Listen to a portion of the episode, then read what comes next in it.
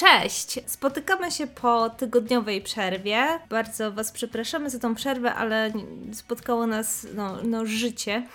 Także dzisiaj będziemy mówić o temacie takim trochę ogólnym o popkulturze, a troszeczkę będziemy się skupiać na pewnym serialu, który niedawno miał premierę swojego drugiego sezonu i myślę, że jest całkiem ciekawym zjawiskiem. Będziemy mówić o takich tropach w popkulturze dotyczących relacji damsko-męskich, które są toksyczne, które nas wkurzają i które powinny już dawno odejść do lamusa.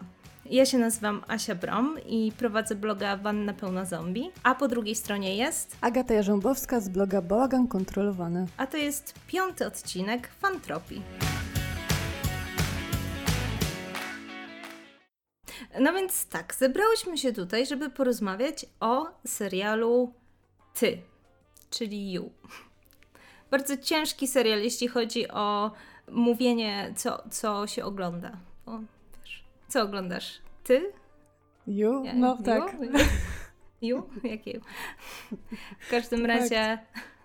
W każdym razie ja się cieszę, że mnie namówiłaś na ten serial, bo chyba jakby widziałaś go wcześniej niż ja. I ja sobie musiałam go nadrobić, ale, ale to były... Nie wiem, czy mogę mówić przyjemne? Chwilę, ale, ale na pewno był to jeden z takich seriali, które faktycznie bardzo, bardzo wciągają. Tak, ja go obejrzałam, jak wyszedł pierwszy sezon, tylko już nie pamiętam, czy on wyszedł rok temu, czy dwa lata temu. Natomiast pamiętam, że go po prostu, jak ostatnio rozmawiałyśmy o tym, że staramy sobie się raczej seriale dzielić, to ja go jednak obejrzałam wtedy chyba praktycznie za jednym posiedzeniem, mhm. bo nie mogłam się oderwać, bo on jednak jest tak poprowadzony, że musisz wiedzieć, co jest dalej. No ale zafascynował mnie właśnie przez to, jak pokazuje to, jak wygląda stalking, bo jednak mhm. on pokazuje zupełnie inne podejście do uczucia w popkulturze niż to raczej znamy, bo wydaje mi się, że z reguły taki stalking, wręcz napastowanie drugiej strony jest właśnie przedstawiane bardziej w sposób taki romantyczny, jako gest romantyczny i taki, na który wszyscy czekamy, a może wszystkie czekamy niż jako coś, co jest niebezpieczne. Mhm. Wiesz co, ja powiem Ci, że się troszeczkę spodziewałam czegoś innego, jak zaczęłam oglądać, bo myślałam, że to pójdzie w taką, wiesz, totalnie e, mroczną stronę, natomiast oprócz oczywiście kilku elementów, no i, i finałów, powiedzmy, obu sezonów, no to jednak jest utrzymane raczej w takiej konwencji, no nie aż takiej creepy, powiedzmy, jak, jak mogłoby się wydawać.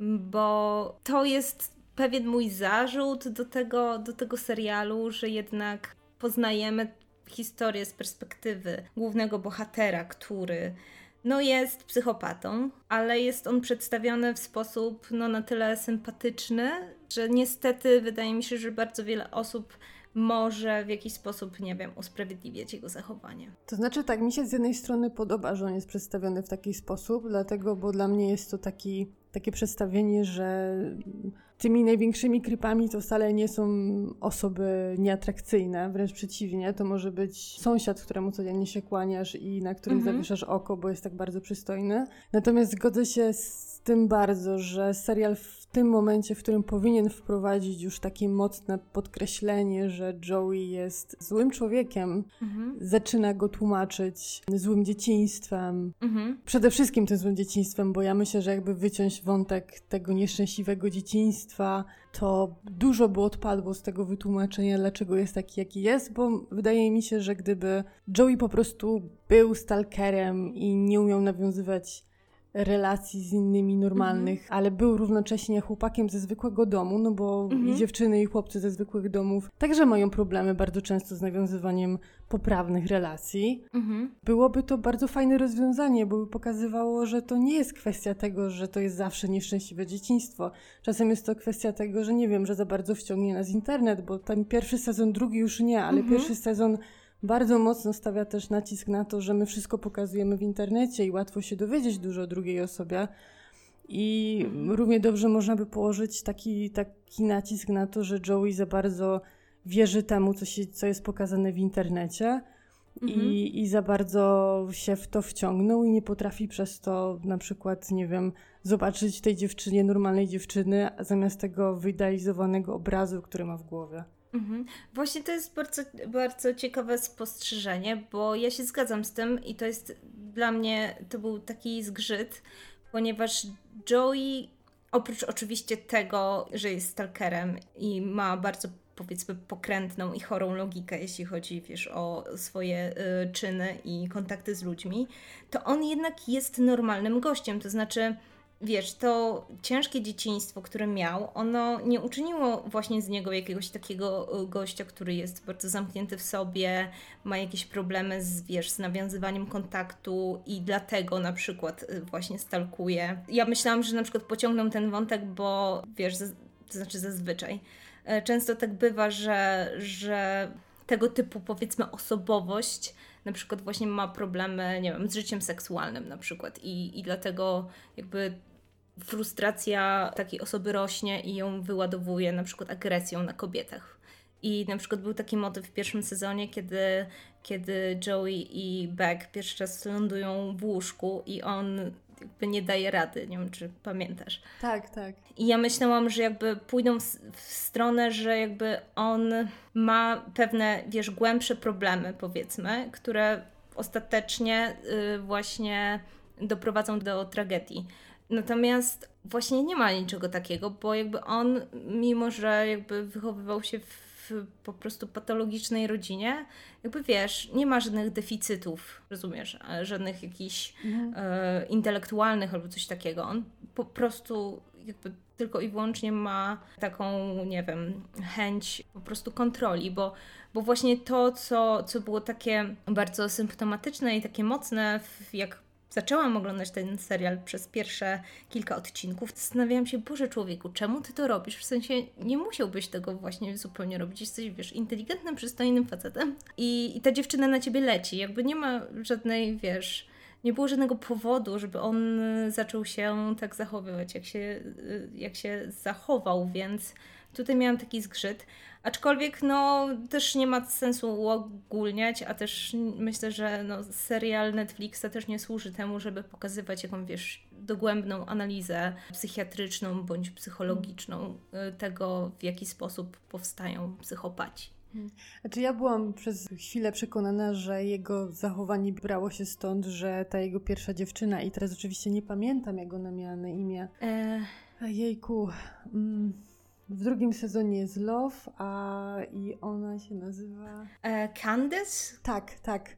Candice, mm. coś, coś w tym. Coś, coś jak cukierek. Mhm. Ja myślałam, że to na początku bierze się z tego, że ona go tam, bo pierwszy sezon jasno mówi, że ona go zdradziła. I mhm. ja byłam przez jakiś czas przekonana, że to jest kwestia tego, że on po prostu chce się upewnić, że żadna dziewczyna go więcej nie zdradzi, ale potem serial dorzuca tyle rzeczy z przeszłości Joey'ego, jest to serial, w sumie drugi sezon jest w miarę świeży, więc nie będziemy mhm.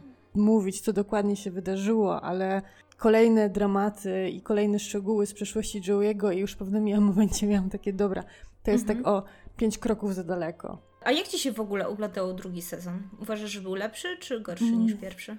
Uważam, że był trochę za bardzo przewidywalny. Drugi? Tak, znaczy pod względem tego, jak Joey się zachowywał. Mhm. W sensie y, te tropy były w pewnym momencie mocno powtórzone z sezonu pierwszego. Natomiast mhm. bardzo zaskoczyła mnie relacja z Love i to mi się bardzo podobało. Aczkolwiek mhm. uważam, że się tak nie będziemy rozmawiać o tym, jak się skończył, ale uważam, że jakby delikatnie zmienili zakończenie i nie planowali sezonu trzeciego, to y, mhm. byłoby dużo ciekawiej.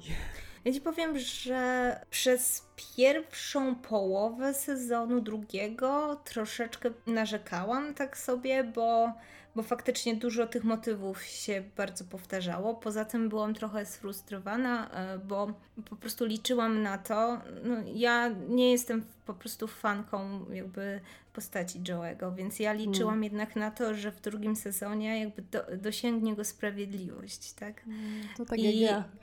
I wiesz, i tak naprawdę to pewne wątki już się tak, by, tak jakby spinały ku temu, żeby faktycznie w, w finale jakby no, spotkała go jakaś tam kara, albo generalnie, żeby się okazało, wiadomo.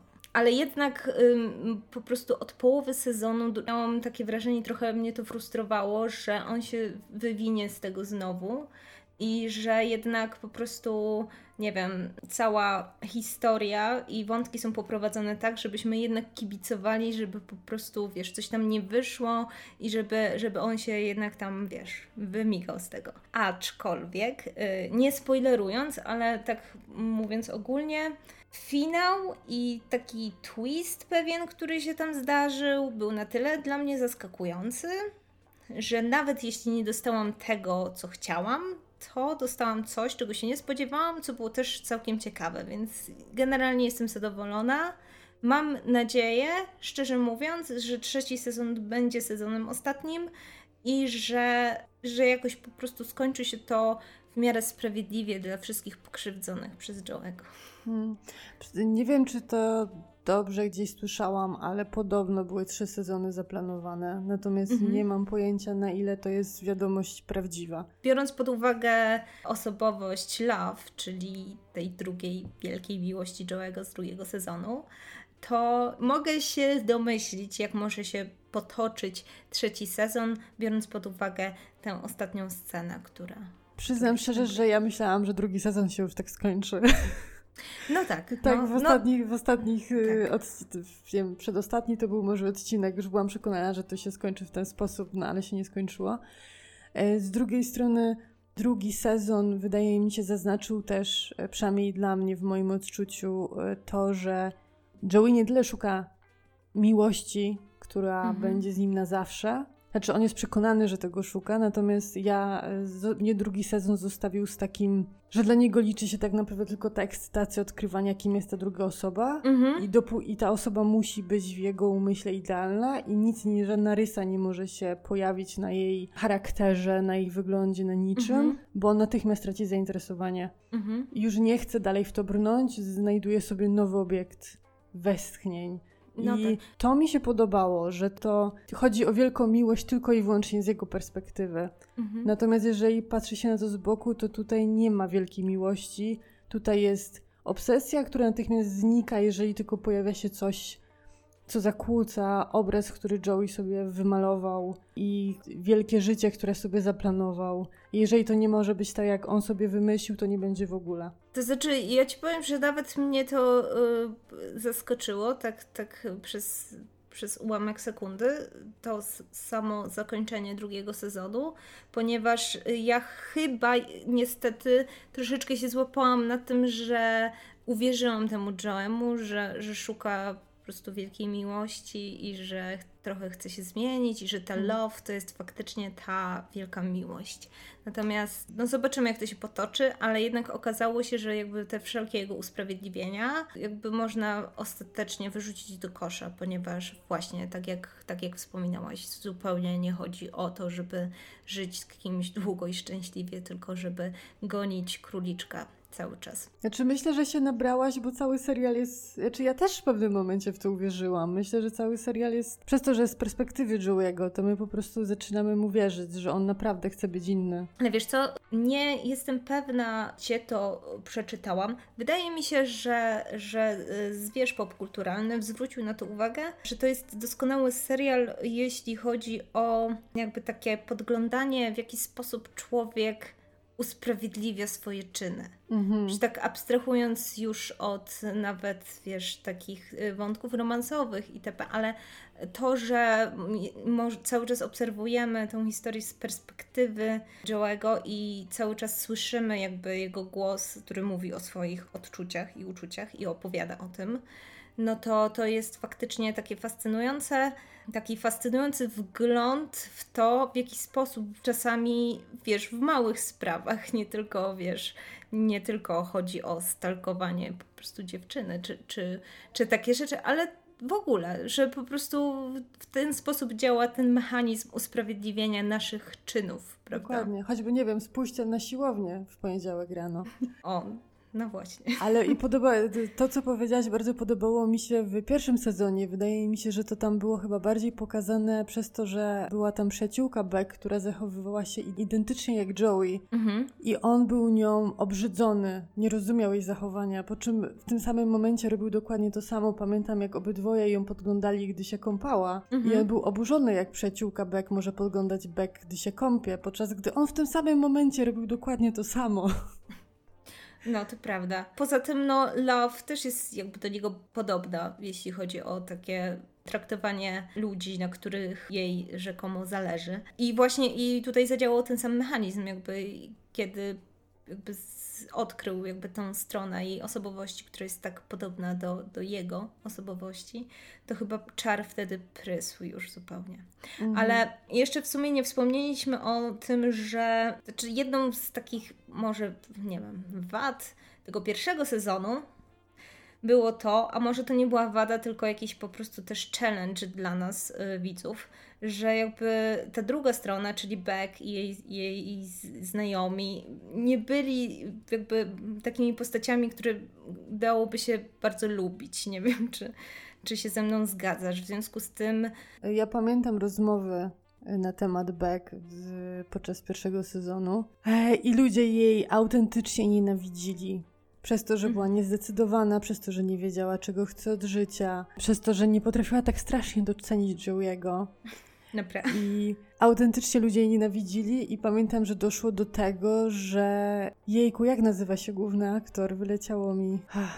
No w każdym razie aktor odgrywający Joey'ego mhm. e, musiał ludziom na Twitterze tłumaczyć, że Joey jest psychopatą i nie powinni mu kibicować, że to Beck jest tą poszkodowaną osobą. Bo dostawał wiadomości, że jego bohater jest cudowny, a Beck powinna po prostu, powinny ją spotkać najgorsze rzeczy, bo serial ją tak poprowadził, że ona bywała irytująca. To prawda i oczywiście no ja na przykład jeśli chodzi o mój odbiór, no to absolutnie nie, nie, nie powiedziałam sobie, w, że ona zasługiwała na to, co, co ją spotkało, dlatego że była irytująca albo nie wiem, była zbyt banalna albo coś takiego. Nie, ale, ale jednak faktycznie by ta postać została w ten sposób y, zbudowana, że, że może ten finał nie był aż taki po prostu mm, dramatyczny dla widzów. Mm. Ale właśnie to, właśnie to troszeczkę mi się nie podoba, właśnie dlatego, że to prowokuje tego typu dyskusje, o których przed chwilą wspomniałaś, czyli usprawiedliwianie, zwłaszcza, że właśnie niestety, ale Joey wpisuje się w ten taki archetyp właśnie takiego faceta w, w popkulturze, który robi no, po prostu strasznie creepy rzeczy, natomiast jest to pokazane w ten sposób, że uważamy, że to jest romantyczne. Mhm. Ja jeszcze na sekundę, na sekundeczkę wrócę do Beck, bo tak sobie teraz pomyślałam, że może my jej tak strasznie nie lubiliśmy, bo ona jest trochę taka jak my wszyscy. W sensie nie wie, czego chce od życia. Mhm. I może to po prostu pokazuje na ekranie dokładnie to, co my wszyscy robimy, czyli jesteśmy niezdecydowani. A człowiek nie lubi patrzeć na swoje wady. A Joey wiedział, czego chce od życia, więc. A no tak, to prawda. Ja, ja to znaczy już się akurat przyzwyczaiłam, że jeśli na przykład patrzę na bohaterkę i ona mnie irytuje, to znaczy prawdopodobnie to, że jest podobna do mnie i ma pewne cechy osobowości, które mnie po prostu wkurzają we mnie. Ale wracając do tego, co powiedziałaś, tak, Joey pokazuje taki totalny archetyp romantycznej miłości w popkulturze, która jest uznawana za tą hmm, właściwą. To znaczy, oczywiście oprócz e, finału, który jakby rozwiewa e, te. Mhm. Natomiast jestem przekonana, że gdyby prowadzić to inaczej, ale jakby wydaje mi się, że na szczęście serial nie jest właśnie e, o tym i on raczej tak sobie pogrywa z tymi właśnie stereotypami, ale jednak Mm, pod koniec pierwszego sezonu no, ukochana e, nie wychodzi cało, więc wyobrażam sobie, że gdyby to był serial, nie wiem, sprzed 20 lat, to być może by się to tak skończyło, że żeby ją wypuścił i by żyli długo i szczęśliwie.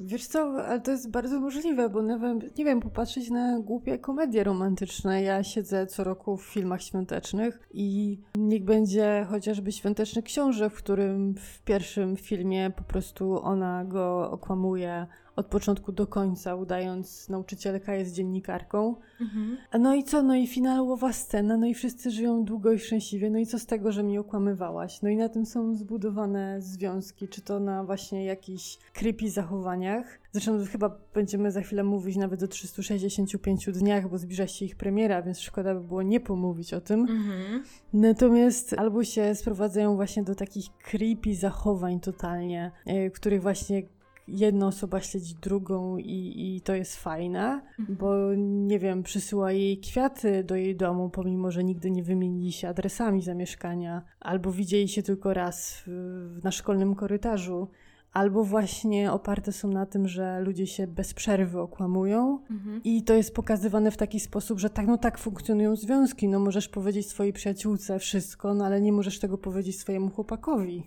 Powiem ci, że te takie bardzo popularne i bardzo wkurzające tropy właśnie takie romansowe y, są powodem, dla którego ja po prostu strasznie nie lubię oglądać żadnych romkomów i innych takich rzeczy i rzadko to robię. Cieszę się, że, że ty chyba więcej takich filmów zaliczasz, chociażby właśnie z, z okazji y, twojego cyklu oglądania y, świątecznych filmów, bo one są zazwyczaj takie lekkie, łatwe, romantyczne ale właśnie prawdopodobnie mają dużo tych jednak albo szkodliwych, albo przynajmniej, wiesz, strasznie wyświechtanych tropów, nie? Jeden z takich, nie wiem, najbardziej wyświechtanych tropów, jeśli chodzi o, wiesz, takie powiedzmy romansowe rzeczy, no to to jest, nie wiem, trójkąt miłosny, ale ten stalking, który jest pokazany jako coś romantycznego, to jest po prostu motyw, który mnie tak strasznie denerwuje i on cały czas nie umarł, on cały czas jest i można po prostu wymieniać filmy, gdzie on funkcjonuje, ba, jest nawet synonimem po prostu, nie wiem, jakiegoś takiego mega romantyzmu. Ja zawsze się strasznie triggeruję, jak oglądam Love Actually, jest tam taka postać grana przez Andrew Lincolna i to jest taki gościu, który w sumie nic nie mówi i tam e, on, on zakochuje się w tej bohaterce gra, granej przez Kira Knightley. Tak, tak, on ją tylko filmuje na ślubie z bliska, tak. nie ma żadnych innych ujęć ze ślubu, Bo... tylko jej ujęcia. Tak, nie dość, że jest jakby najlepszym kumplem e, pana młodego, filmuje tą dziewczynę i ma tylko te ujęcia i ona to chyba ogląda i z jakiegoś powodu uważa, że, że to jest albo ona to widzi, to znaczy ogląda, albo on to ogląda, a, ale w każdym razie... Nie, to było, to było tak, że ona straciła chyba film ze ślubu, albo okazał się beznadziejny mhm. i pamiętała, że on to nagrywał. Tak. I ona przyszła do niego i nie wiem, czy znalazła tą kasetę i wsadziła bez pytania, mhm. czy on jej to dał. I on chyba wyszedł bez słowa podczas tego, jak ona to oglądała, ale potem przyszedł do niej z tymi karteczkami, tak. że ją kocha no, ale strasznie mocno. Wyobraź, wyobraź sobie w ogóle, że jest taka sytuacja, wiesz, w prawdziwym życiu i na przykład jakby ty jesteś tą dziewczyną i wiesz, i widzisz coś takiego, że ktoś cię nagrywa, po prostu wiesz, z bliska i... Na pewno bym nie pobiegła za nim wzdłuż ulicy i nie dała mu buzi. Myślę, że jakbyś po prostu zobaczyła tą, tą, to nagranie, to byś po prostu uciekła z tego domu, bo byłoby to totalnie przerażające. To jest to, co, co zawsze mnie strasznie e, trochę wkurza, trochę śmieszy, ponieważ to nie, to nie jest po prostu, to nie jest romantyczne. Znaczy nie dość, że, że dziewczyna, już nie mówiąc o tych tropach typu, wiesz, sabotowanie wesela, jakby to jest Jezus. finał jakby co drugiej komedii romantycznej, nie? W sensie... Ale w ogóle to jest wkurzające. Ja teraz już po prostu dosłownie biję brawo e, przed telewizorem, jeżeli oglądam jakiś film, w którym ten pierwszy wybranek głównej bohaterki, który oczywiście musi potem pójść na drugi plan, bo nigdy nie jest tą prawdziwą miłością, mm -hmm. nie jest wkurzający i nie jest zły, bo przecież jeszcze do niedawna komedie romantyczne to było tak, że jest główna bohaterka, jest jej narzeczony, mm -hmm który jest po prostu najgorszym człowiekiem na świecie, mógłby być przeciwnikiem Ironmana, bo jest tak zły. Jest ten poczciwy koleś, którego ona nie widzi, tak. bo jest po prostu zakochana w tym złym. Tak. To jest tak głupie. Ja się tak strasznie cieszyłam tegorocznym filmie W Śnieżną Noc. Mhm.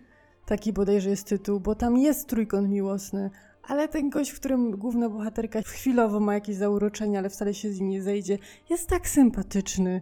On w ogóle jakby ten główny bohater do niego podszedł i powiedział, wiesz co, słuchaj, zależy mi na niej, to jeszcze by ich na randkę umówił. Mhm. I takie wątki mnie strasznie cieszą, bo to, bo to pokazuje, że ty jako widz i tak ma, wiesz, komu masz kibicować. Ten drugi wcale nie musi być skończonym, mhm. no właśnie. Ale wiesz, w takich wypadkach, kiedy ten narzeczony bądź narzeczona nie okazuje się zła bądź zły, to zazwyczaj w komediach romantycznych jest jednak taki motyw, że na końcu po prostu ta osoba też znajduje kogoś, kto jest jakąś tam prawdziwą miłością, tak żeby nikomu nie było tak. przykro, prawda? No ale przynajmniej to pokazuje jakkolwiek normalne życie, a nie, że one zawsze wybierają tych po prostu najgorszych. Mhm. Jeszcze trochę, a w kryminale by go siedział. Znaczy to jest w ogóle te sabotowanie wesela, to w sumie się łączy z tym e, stalkingiem, tym motywem, że stalkowanie kogoś jest romantyczne. Ponieważ mm. zazwyczaj to jest ten motyw, kiedy bohaterowie się spotykają ze sobą, bohaterka bądź bohater, wiesz, jest zaręczony, ale jakby ta druga osoba nie odpuszcza mimo, mimo wszystko. Wiesz, w normalnych relacjach, jeśli dowiadujesz się, że ej, mam dziewczynę, mam chłopaka, bądź wychodzę za mąż, no to wycofujesz się jakby ze znajomości, tak? Nie, jakby nie drążysz dalej. I jeśli to robisz i chodzisz za tą osobą i próbujesz ją przekonywać, no to, to to nie jest wcale urocze. No ale jeszcze zawsze jest tak, że całe w ogóle środowisko dookoła, wszyscy przyjaciele zawsze kibicują, tak, idź, odbij ją, jego. Mhm kurczę, no tak się nie robi. Trzeba zmienić przyjaciół w takim układzie. Zwłaszcza nie robi się e, tego w dniu ślubu, trochę. O Jezu. Zawsze myślę o tych wszystkich biednych po prostu rodzicach, przyjaciołach i tych wszystkich ludziach, którzy zapłacili za to wesele. Bardzo... Naprawdę brakuje, żeby tam oni jeszcze po prostu się tylko podmienili na tym ślubnym kobiercu. Pewnie gdzieś taki film istnieje. Oczywiście, ale ja się zastanawiam, czy istnieje taki, który jakby wyłamuje się z tej konwencji i na przykład, wiesz, kończy się to tak, że jednak, jednak jednak bohaterka, czy bohater bierze ten ślub i stwierdza, że bez przesady.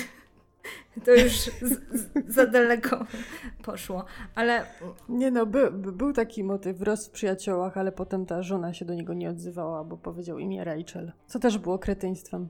Zresztą mówiąc o przyjaciołach, Boże, jak ja nienawidzę tego zestawienia Rachel i Rossa. Mhm. To jest po prostu para, która do siebie nie pasuje pod żadnym względem. Oni nigdy ze sobą razem nie byli szczęśliwi. Oni potrafili funkcjonować tylko jako przyjaciele. Przecież ona jak z nim była, to była wściekła, bo on był za bardzo zazdrosny, a z kolei Ross był wściekły, bo Rachel próbowała się realizować zawodowo. Nigdy się nie mogli dogadywać ze sobą. Mhm.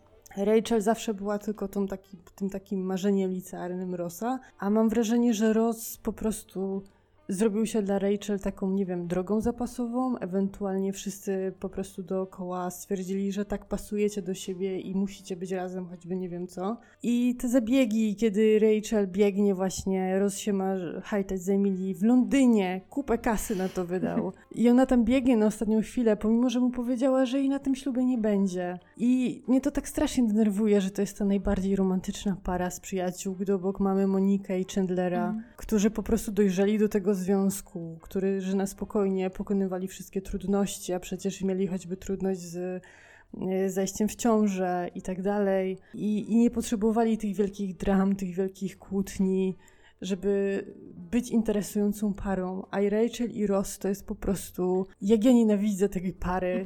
Jak uwielbiam, jak oni są osobno, ale nienawidzę wątków, którym po prostu muszą być ze sobą zestawiani i tego ich na siłę romansu. i do siebie nie pasują w żaden sposób. Ale właśnie to jest też taki motyw, który się często pojawia, te takie mityczne przeciwieństwa, które się przyciągają, co jest po prostu w większości przypadków po prostu mitem i nieprawdą.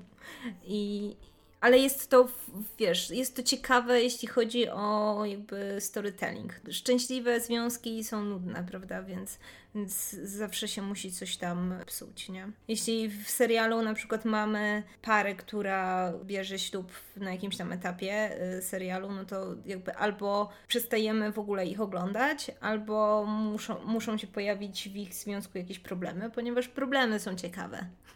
dla, dla widzów, czytelników, a wiesz, szczęśliwe związki są nudne, więc, więc niestety tak jest, ale wracając jeszcze do, do tego stalkingu, to mnie właściwie w tym motywie, oprócz oczywiście samego faktu, na przykład, wiesz, obserwowania kogoś, jak śpi, jak na przykład, wiesz, w zmierzchu.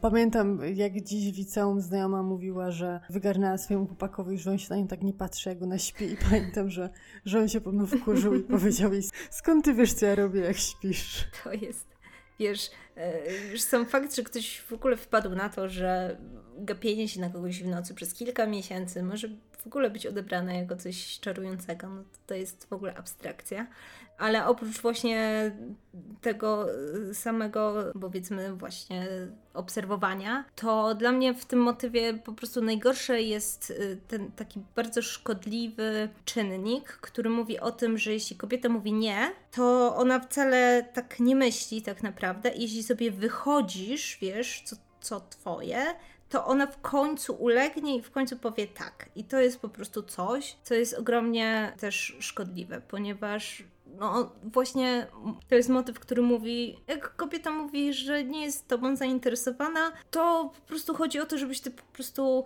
pochodził za nią trochę, trochę właśnie ją postalkował, trochę się dowiedział o niej co i jak, właśnie, nie wiem, sprawdził co lubi, tak, zaskoczył ją czymś, co lubi, wiesz, przeczytał wszystko gdzieś tam w social mediach o jej życiu i po prostu zgrywał kogoś, kto, wiesz, jest twoją bratnią duszą i tak jakoś sam z siebie po prostu wyczuwa, co ty chcesz. I z pewnością po prostu kobieta to doceni i powie ci w końcu tak. I to jest po prostu coś okropnego. Ale wiesz, co jest najgorsze, że są takie kursy dla singli, które dosłownie tak mówią które to, to wpajają. Tak. I to nie jest ciężko znaleźć w internecie takie rady, bo to są albo artykuły na jakichś strasznie kiepskich stronach, albo naprawdę płatne kursy. Jakiś czas temu oglądałam w zeszłym roku Gargamel wrzucał mm, na tak, YouTube tak, tak. bardzo, właśnie bardzo długie śledztwo, tak chyba to tak. możemy nazwać na temat jednego z takich kursów. Ja, się, ja po prostu nie wierzyłam, że to czytam w XXI wieku, mm -hmm. w którym w pewnym momencie ten kurs dosłownie wręcz nakłania do jakiejś psychicznej manipulacji do zdobycia wyższości. No, no tak. My możemy jeszcze, niedawno odbyłam rozmowę na ten temat, że 50 twarzy Greya czy 365 dni to tylko fikcja i nikomu nic się złego od tego nie dzieje. Mhm. I dobra, faktycznie, jeżeli to jest tylko w książkach i czytamy to świadomie jako fikcję, to to są pewnego rodzaju fantazje seksualne, które w ten sposób zdrowo się zaspokaja. Ale jeżeli ludzie płacą za kurs, który mówi takie rzeczy i potem no siłą rzeczy próbują to wdrożyć w życie, no tak. to to już jest bardzo niebezpieczne. No tak, no i właśnie składając to wszystko do kupy, łącznie właśnie z tym, że ten y, motyw y, cały czas y, jednak w popkulturze funkcjonuje i cały czas jakoś tam się przewija i, i faktycznie You to jest jakby pierwszy serial, który bierze to na tapetę i pokazuje tą mroczną stronę tak naprawdę stalkowania. No to później mamy właśnie kursy podrywania i, i takie rzeczy, które przekonują, że jeśli kobieta mówi nie, no to, to znaczy, że trzeba ją przekonać. No dokładnie. No ale takie 50 twarzy Greya to jest takie you, tylko z dobrym zakończeniem, powiedzmy sobie szczerze. No bo gość tak, gość ją śledzi, gość kupuje jej laptopy, żeby po prostu wiedzieć, co ona robi. Doskonale wie, gdzie jest, bo się potrafi znaleźć w 30 sekund w miejscu, w którym znajduje się Anna pomimo że ona go nie informowała, gdzie się do końca znajduje, mhm. kupuje redakcję, w której dziewczyna zaczyna pracować, więc staje się jej szefem. Mhm. Co jest chyba najmniej zdrową relacją, jaką już w ogóle sobie można wyobrazić. Tak, i kolejnym wyświechtanym motywem, e, czyli zakochiwanie się we własnym szefie albo własnym nauczycielu, albo, albo czymś takim, bo to jest też taki motyw po prostu strasznie wyeksploatowany. Okropnie. Tym bardziej, że to w tym momencie on zyskuje przewagę nie tylko dlatego, że jest bardziej doświadczony i to bardziej doświadczony w mniej konwencjonalnym seksie i, prze, i przez to ma przewagę nad niewinną dziewczyną, ale zyskuje na nią także przewagę, no bo w tym momencie, czy chce, czy nie, ona jest od niego finansowo uzależniona. I myślę, że jakby już wspomniałyśmy o zmierzchu i o 50 twarzy Greya, no to, to już czas, żeby wspomnieć o jakby naszych polskich kwiatkach w, w tym temacie, czyli 365 dni. Czy ty czytałaś tę książkę? Czy... E, ja czytałam fragmenty okay. i to mi wystarczyło. Okej. Okay. E, rozumiem, że nie wybierasz się do kina. Czy wybierasz się e. z badawczej ciekawości? Wiesz co, prędzej to obejrzę, jak to gdzieś wejdzie na jakiś streaming. Mhm. I wydaje mi się, że się nie wybiorę. Chyba, że faktycznie, nie wiem, skrzyknie się jakaś paczka znajomych, że idziemy to zobaczyć. Mhm. ale, ale wydaje mi się, że, że się nie wybiorę na to do kina. Natomiast 365 dni wkurza mnie chyba jeszcze bardziej niż 50 twarzy Greya. Mhm. Z tego względu, że jednak 50 twarzy Greya, pomimo, że jest tam ten stalking i pomimo, że on na nią ma władzę finansową i, i tego typu, to jednak hmm, on nie jest przedstawiany jako ten niebezpieczny facet, w sensie jako ten, który jak zechce, to cię zabije i tak dalej, jako ten, nie, mm, mhm. nie wiem, czy potrafię wyrazić teraz swoje myśli, ale to jest po prostu bogacz, który mm, wynalazł tam wiele rzeczy, o których autorka w książkach nigdy nie wspomina za bardzo, bo chyba sama nie wiedziała, co by tu mógł wynaleźć. Mhm. No i znajduje, to jest bardziej taka opowieść o księciu i, i kopciuszku, tak? Mhm. Natomiast w 365 dniach mamy mafioza, gościa, który osobiście dokonuje egzekucji na oczach głównej bohaterki mhm. E, strzałem w głowę jakiemuś tam mniej posłusznemu pionkowi. Gościa, który na samym początku książki gwałci stewardessę i nikt mi nie powie, że nie, mhm. ponieważ mamy tam fragment i teraz zacytuję. Lubiłem, kiedy z przerażeniem otwierały oczy, jakby naprawdę sądziły, że zamierzam je udusić. Mhm. Jej paznokcie wbiły się w moje nogi. Najpierw próbowała mnie odsunąć, później okaleczyć, drapiąc. Lubiłem to, lubiłem, kiedy walczyły, kiedy były bezradne wobec mojej siły. Ktoś mi spróbuje wmówić, że to nie jest opis gwałtu, to ja nie wiem, co to jest. A ludzie bronią tej sceny i twierdzą, że to nie jest gwałt. Znaczy, najgorsze jest to, że autorka broni tych wszystkich scen, ponieważ to wychodzi z założenia, że jeśli to jest w książce, to, to znaczy, że to jest po prostu fantazja i jakby nie ma nic w tym złego. Natomiast jakby literatura tak nie działa. Więc, więc jeśli po prostu coś opisujesz w ten sposób i tworzysz tę scenę w ten sposób, to to nie jest tak, że możesz powiedzieć, ale ta stewardessa czy ta bohaterka, to tak naprawdę to ona tego chciała, ale to było tak opisane, żeby było, wiesz, ja myślałam, że takie rzeczy, to, to wiesz, to, to zostają w fanfikach i ja jestem w stanie, mm. wiesz, wybaczyć te wszystkie fanfiki, bo czytałam różne rzeczy w swoim życiu, jeśli chodzi o takie fanowskie, wiesz, E, pisanie o, o różnych bohaterach. I oczywiście nie wiem, jakoś mam większą tolerancję na to, jak po prostu pisz, piszą takie rzeczy, jakieś po prostu, wiesz, młode osoby, które totalnie jakby nie, nie kumają tematu jeszcze, ale po prostu muszą się wyżyć po prostu artystycznie, bo mi się bardzo jakaś tam postać podoba, nie wiem, Dean czy sam Supernatural albo nie wiem, nie wiem coś, coś takiego. Ale jeśli to wychodzi jako książka i wychodzi to jako adaptacja i, i ludzie naprawdę pójdą na to do kina, bo, bo pójdą.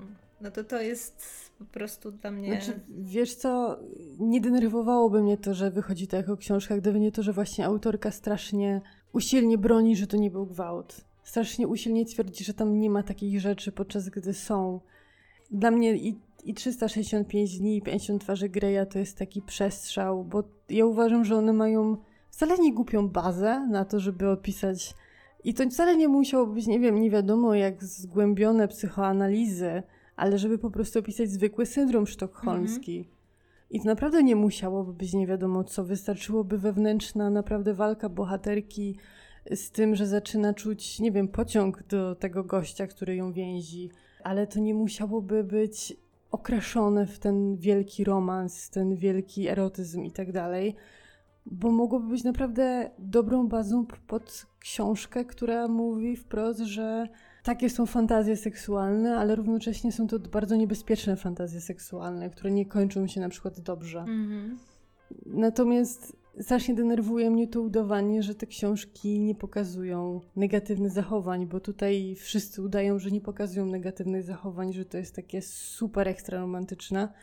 Podczas gdy wystarczyłoby powiedzieć, że tak, ta książka jest, pokazuje scenę gwałtu, bo są na świecie osoby, które fantazują o gwałcie, chociaż nigdy by gwałtu nie chciały przeżyć. Dlatego taką scenę umieściłam w swojej książce ponieważ nie ma w książkach erotycznych w Polsce takich scen. Wystarczyłoby powiedzieć coś takiego, żeby wyłożyć kawę na ławę. Jeżeli chcesz pisać książkę erotyczną i chcesz pisać książkę, która jest niesamowicie posunięta erotycznie i kurczę, dajesz w niej scenę gwałtu, bo to jest scena gwałtu. Nie wiem, ja uważam, że jakby przede wszystkim trzeba, wiesz, generalnie mm, literatura erotyczna to jest bardzo ciężka literatura, jakby ciężko ją napisać. Trzeba naprawdę być wprawnym pisarzem, żeby zrobić to dobrze. Plus dochodzą do tego jeszcze właśnie rzeczy y, takie, no wiesz, w wymiarze etycznym, powiedzmy, pisania o mm. pewnych rzeczach, które należy brać pod uwagę. I, i o ile na przykład y, w 50 twarzy Greya ta fantazja dotycząca y, dominacji czy, czy bycia uległą jest rozwiązana jednak przez ten wątek y, po prostu sadomaso, no to tutaj, nie wiem, nie czytałam tej książki, natomiast jeśli po prostu mówimy o, o scenie gwałtu, no to trzeba po prostu ustanowić jakąś granicę. Jeśli po prostu, wiesz, chcemy pokazać jakiś tam ostry seks, zróbmy to właśnie chociażby w ten sposób. Dajmy po prostu czytelnikowi przynajmniej jakiś cień, wiesz, takiego przekonania, że to się wszystko odbywa ze zgodą obu stron. Bo jeśli nie, zwłaszcza, że pierwsza scena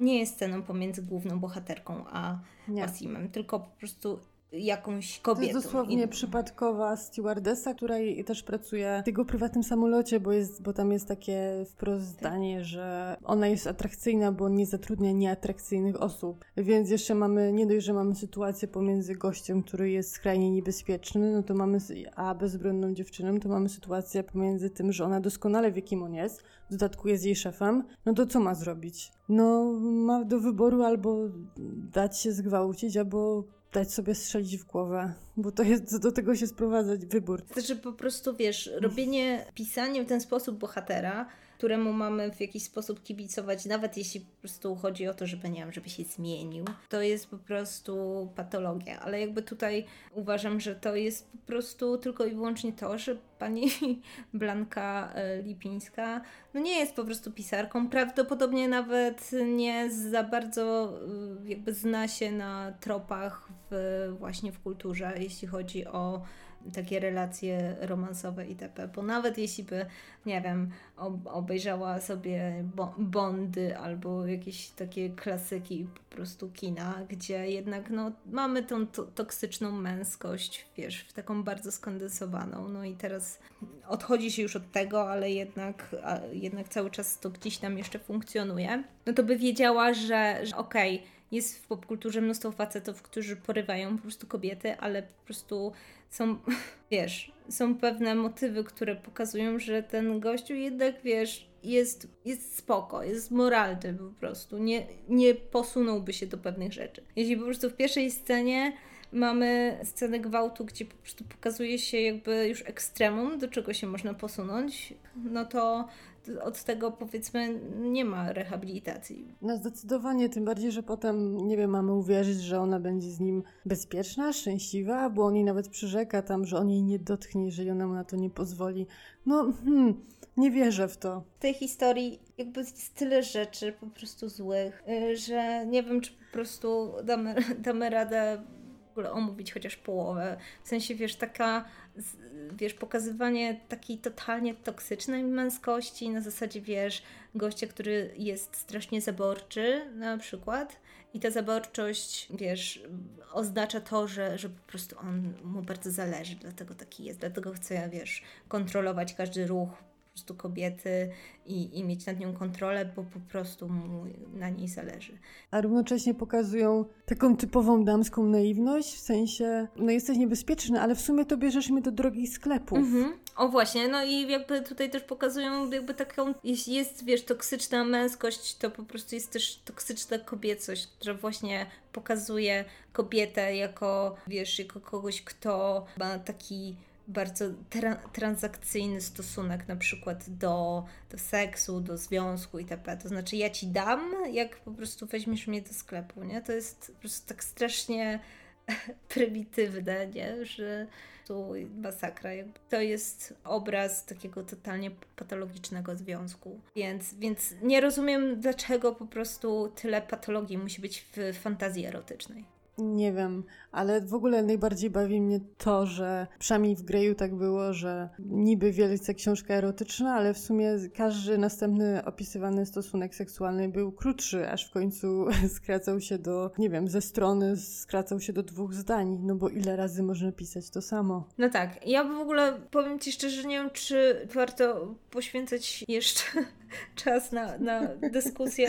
Ja po prostu mam nadzieję, że ktoś może kiedyś w to ma lepsze pióro, weźmie się i napisze coś. Wiesz co, ja wracając jeszcze do tych fanfików, ja naprawdę czytałam całkiem bardzo niezłe nawet fanfiki erotyczne. W swojej karierze po prostu e, bycia fangirlem spotkałam takie i jakby da się o tym pisać w sposób interesujący, podniecający i be, a bez po prostu patologii. Także ja liczę na to, że jeśli po prostu, bo jakby nisza jest i, i rynek jest i zapotrzebowanie jest cały czas, więc może ktoś by się wziął.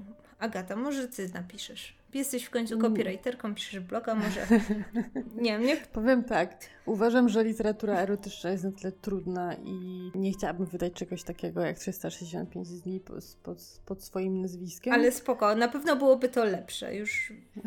Czy na pewno nie pisałabym o gwałtach, więc tutaj moglibyśmy być spokojni. Natomiast uważam, że moim zdaniem dobra er literatura erotyczna wcale nie opiera się na samym stosunku seksualnym, a mhm. wydaje mi się, że masa pisarzy jest przekonana, że właśnie na tym to polega, a moim zdaniem dobra literatura erotyczna przede wszystkim opisuje emocje, jakie są między bohaterami, w sensie to podniecenie, które nimi wręcz targa, to jak oni się mhm. czują przy sobie, potrafi zbudować odpowiednie napięcie, bo to nie jest ciekawe przeczytać, kto gdzie komu wsadza, mhm. tylko co ta osoba czuje, jak to między nimi się rozgrywa emocjonalnie. I to jest podniecające, bo powiedzmy sobie szczerze, w realnym życiu też tak jest. Podnieca nas fakt, że ktoś na nas, nie wiem, spojrzy mhm. mocno i intensywnie. To jest podniecające ten cały, to całe dojście do, do, do lepszego zapoznania mhm. się. Dlatego te nowe znajomości są zawsze najbardziej ekscytujące, bo nie wiemy, co jest dalej. I mi się wydaje, że dobra literatura erotyczna przede wszystkim koncentruje się na tym, a nie na tym, kto komu gdzie wsadził, jak bardzo komu stoi i, i gdzie się komu leje, tylko właśnie na tych emocjach i, i na tym mhm. poszukiwaniu tego spełnienia, ale właśnie w taki bardziej emocjonalny sposób. Nawet jeżeli chodzi tylko i wyłącznie o seks i nawet nie chodzi nawet o seks przygodny, ale seks przygodny też wydaje mi się bardzo mocno jest oparty na tych emocjach, poszukiwaniu ekscytujących doznań, mhm. a niekoniecznie na samych mechanicznych czynnościach. Ja, czy ja mogę zrobić taką krótką polecajkę, ponieważ jednym z najlepszych tekstów komentujących książkę 365 dni jest tekst prezydentki internetu, który nazywa się Nawet w fantazji seks nie jest za darmo. I bardzo polecam ten wpis blogowy, ponieważ on jakby trafia w sedno i w ogóle tak, blog prezydentinternetu.pl to jest moje ostatnie blogowe odkrycie, także polecam, bo faktycznie to, o czym mówiliśmy, jakby ta relacja jest bardzo taka nastawiona właśnie na pewne transakcje. Więc to jest patologiczne pod tym kątem, że wiesz, jeśli to jest cały czas fantazja seksualna, jakaś tam, no to dlaczego po prostu ona wygląda w ten sposób? To znaczy, że, mm. że, że wiesz, że jest gościu, który ma kasę, porywa kobietę. A właśnie, już zostawiając akurat temat 365 dni, to tutaj mamy ten taki drugi motyw, który mnie strasznie denerwuje, czyli wiesz, pokazywanie porwania kobiety jako czegoś romantycznego. Ale nawet e, wspominałyśmy o tym przy Gwiezdnych Wojnach, zastanawiając się, tak. w jaki sposób w ogóle Rey i Kylo mogą e, finalnie kończyć jako para romantyczna, skoro oni ani ze sobą za bardzo nie rozmawiali. I zaczęło się wszystko od właśnie porwania. Tak. Być może nawet doszłoby do jakichś tortur, no bo ona przecież miała, tak. była porwana jako więzień, który ma coś więcej wiedzieć, no to oni się tam w tym mhm. imperium starym, nowym i, i każdym innym nie zackali. No właśnie, e, powiem Ci, że nie wiem, czy, czy pamiętasz e, jeszcze taki film sprzed dwóch lat może, Passengers z Chrisem Prattem i z e, Jennifer Lawrence. Wiem o czym mówisz, ale nie oglądałam. Ten film byłby całkiem spoko, gdyby właśnie nie ten po prostu bardzo denerwujący motyw, który polega na tym, że ten bohater, chyba Jim, grany przez Chrisa Prata, on się, jest, to jest w ogóle statek, tak, on zmierza na jakąś planetę, wszyscy są zahibernowani, leżą i mają się obudzić tam za, nie wiem, 100 lat chyba. No i po 10 latach coś tam się psuje w jego kapsule i on się budzi. I sobie uświadamia, że jakby lotu jeszcze zostało 90 lat, a on ma zepsutą tą, tą swoją mm, kapsułę i musi coś robić. I, no i w pewnym momencie decyduje się właśnie na obudzenie kobiety, która mu się podoba po prostu. Więc on jakby pozbawia ją tak naprawdę przyszłości i, i wszystkiego, tylko i wyłącznie dlatego, że po prostu czuje się samotny i po prostu chce z kimś, wiesz, być. To znaczy ta motywacja jest w jakiś sposób zrozumiała. I gdyby na przykład ten film był jakimś dramatem psychologicznym, albo nie wiem, właśnie nie wiem, horrorem, który on nawet w ogóle w założeniach mógłby i miał być takim horrorem w kosmosie. Ja byłam przekonana po zwiastunach, że jest.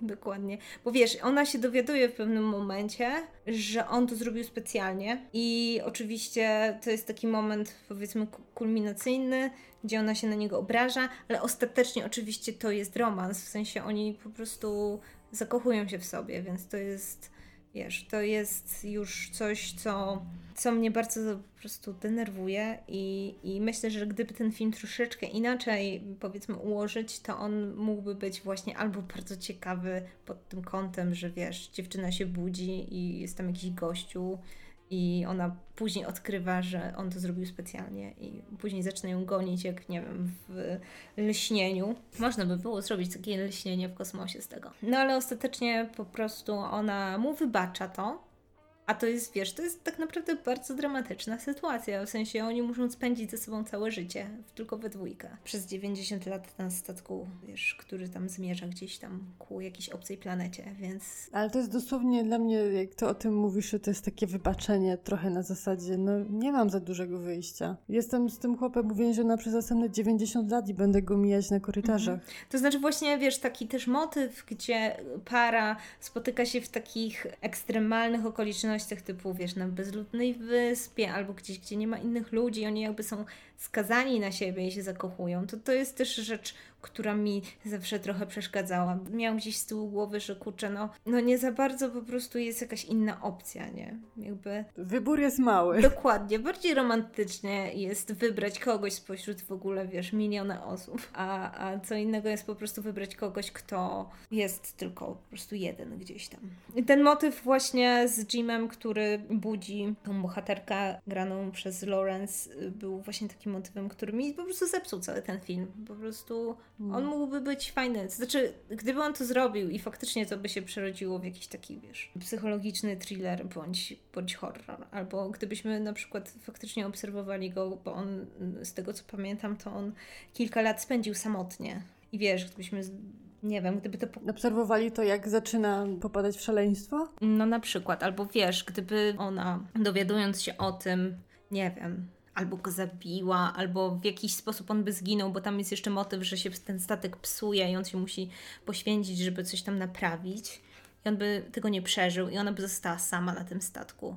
I wiesz, i, i po kilku latach zaczęłaby przeżywać dokładnie to samo, co on. Mm. I wtedy w ogóle wiesz, to, czego mu nie potrafiła wybaczyć, czyli to, że po prostu ją obudził, zaczęłaby się, nie wiem, zastanawiać nad tym samym, tak? Spojrzałaby po mhm. prostu po, po tych wszystkich kapsułach, wiesz, wyczaiłaby jakiegoś gościa i by go obudziła i by po prostu w tym momencie musiała, wiesz, stanąć przed taką decyzją bo, bo jednak wiesz, samotność na, na statku, który wiesz, gdzieś tam dryfuje w kosmosie, no to to jest absolutnie przerażająca rzecz, więc, więc tutaj tak. w tym filmie no, on miał potencjał na to, żeby być naprawdę interesującym takim właśnie e, studium tego, w jaki sposób przeżywa się samotność, ale ktoś się zdecydował, że będzie to po prostu, wiesz, film romantyczny i, i wyszło tak sobie. I zresztą to taki pierwszy przykład, który mi akurat taki dosyć świeży jeszcze, który mi przyszedł do głowy, no ale jakby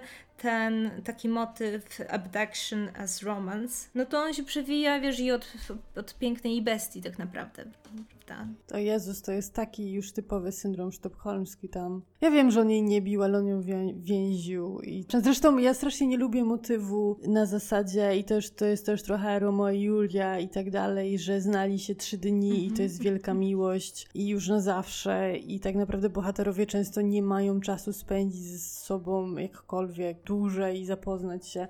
Dlatego przyznam szczerze, ja wiem, że masa ludzi na przykład narzeka, że są seriale, w których bohaterowie nie mogą się zejść ze sobą mhm. i nie wiem, schodzą się 10 sezonów, ale oni przynajmniej poznali się przez te 10 lat. Jak już się zejdą, to wiedzą z kim. A bardzo często opiera się to na tym, że albo nie spędzili ze sobą czasu w ogóle, albo ze sobą nie porozmawiali, albo się nawet nie lubili, nie wiem, przez połowę czasu, w którym ze sobą byli. Mm-hmm. I, I to nagle, ale ciągle mamy wtłaczane to, że to jest ta wielka romantyczna miłość. A już jeżeli zaczyna się właśnie od porwania albo od jakiegoś, nie wiem, choćby pamiętniki wampirów, gdzie jednak Stefan sobie wypatrzył Elenę dlatego, bo wyglądała dokładnie tak jak jego pierwsza miłość sprzed tam 100 czy 200 lat i stalkował ją bez przerwy, zanim się nie poznali i poszedł do liceum, żeby się z nią uczyć i tak dalej. No, hmm. Mhm. Nie jest to zdrowy początek budowania jakiejkolwiek relacji, nawet między wampirem a człowiekiem. Zauważ w ogóle, że to jest taki motyw, który działa tylko i wyłącznie, jeśli wiesz, jeśli pokazujemy faceta, bo jeśli to kobieta na przykład stalkuje faceta, to zazwyczaj jest pokazywana albo jako wariatka, albo jako wariatka, która jest dodatkowo niebezpieczna, albo jest bardzo zdesperowana, więc tutaj w ogóle mm. ten wydźwięk y, jakby y, jest totalnie pejoratywny, nie? Tak, a z drugiej strony mnie też strasznie denerwuje y, w ogóle pokazanie mężczyzn jako osób, które myślą tylko o tym, co mają między nogami i no bo dla mnie 50 twarzy Greya czy 165 dni i wszystkie tego typu rzeczy to jest właśnie sprowadzenie mężczyzny do po prostu zwierzęcia, które nie umie panować nad swoimi odruchami, co jest dla mnie też szkodliwe, bo w ten mhm. sposób postrzega się czasami facetów, że nie myśli się o tym, co czują, tylko po prostu, no, no tak, no każdy facet w każdym mhm. momencie ma ochotę na seks. A nie mówi się o tym, nie wiem, że, że na przykład, że z przemęczenia mogą nie chcieć i tak dalej, że tylko od razu są pytania na forach. Mój chłopak nie chce ze mną uprawiać seksu, co się stało, co robię nie tak? No, dokładnie, wiesz co, właśnie jakby tutaj jest pies pogrzebany, że popkultura naprawdę wpływa na nasz styl życia, na to, jak postrzegamy też nasze jakby takie codzienne relacje w, w realu, więc to nie jest tak, jak się czasami, wiesz, bagatelizuje sprawę, że a, bo wiesz, to jest tylko film, to jest tylko książka, to jest tylko fantazja, to przecież, wiesz, to nie jest prawdziwe życie, ale jakby to wszystko bardzo wpływa. I właśnie te, te takie stereotypy i te, takie tropy, o których właśnie y, rozmawiamy, krzywdzą zarówno mężczyzn, jak i kobiety. Więc taka główna konkluzja i wniosek w, przed walentynkami jest taki, żebyśmy się nie uczyli romantyzmu z popkultury, bo to jest bardziej creepy niż romantyczne. Dokładnie. I rozmawiajcie ze sobą. Związki opierają się na rozmowach, nie na sekretach. Oczywiście, nie stalkujcie. O, zdecydowanie nie stalkujcie. Mimo, że kusi faktycznie, bo social media bardzo nam ułatwiają sprawę. Słuchajcie, możecie sprawdzić, czy ktoś ma chłopaka i dziewczynę, o. ale na tym poprzestańcie. Dokładnie. Znaczy, lepiej jest faktycznie porozmawiać i się poznać w ten sposób, niż przeglądać wszystkie portale społecznościowe, żeby tam wyciągać po prostu jakiś profil psychologiczny naszej e, sympatii. Jakby nie, nie pracujecie mm. w policji, nie robicie profilu po prostu przestępcy, tylko chcecie poznać jakąś osobę, więc zachowujmy się jak ludzie. Dokładnie. No i też nie odbierzcie tego naszego narzekania jako tego, że już takich wątków e, w popkulturze być nie powinno, no bo jasne, one są najciekawsze, natomiast po prostu brakuje nam podejścia trochę bardziej zdrowego, albo podejścia autorów do trochę skomentowania tego, co robią i jak to pokazują, żeby widz oprócz tego, że widzi różne zachowania postaci, to równocześnie mógł też zobaczyć to z trochę innej perspektywy niż tej super romantycznej i może przybierać sobie do głowy, że tak to powinno wyglądać. W szczególności wydaje mi się, jeżeli się ma lat naście i wszystkie teen dramy oraz wszystkie książki dla młodzieży oparte są na pokazaniu bardzo niezdrowych relacji, jeżeli chodzi o związki, a jednak e, no wtedy w takim wieku liczy się bardziej ekscytacja niż, mhm. niż cokolwiek innego, więc bardzo łatwo też wejść w związek, e, który nie jest dla nas dobry. Dokładnie, ale też e, tak jeszcze kończąc e,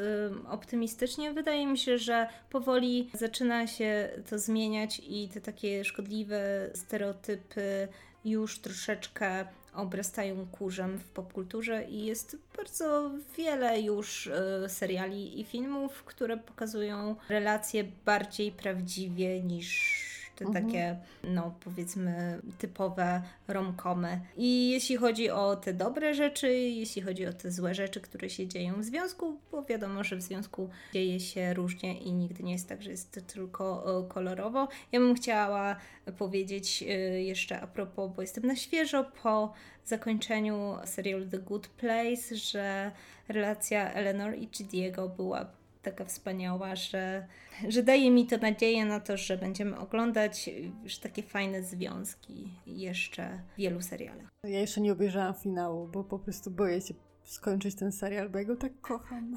Przygotuj się na wielkie wzruszenia, ale, ale okay. naprawdę warto. Mam nadzieję, że wrócimy do tego tematu, bo myślę, że The Good Place jest serialem, który warto omówić, bo jest naprawdę ekstra.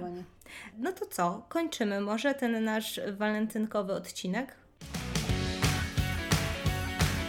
Tak, na tym zakończymy. Dziękuję wszystkim, którzy nas słuchają. Znaleźć nas możecie na Facebooku, na Ankorze oraz na Spotify'u i na YouTubie. Dokładnie. E, polecamy się tam śledzić.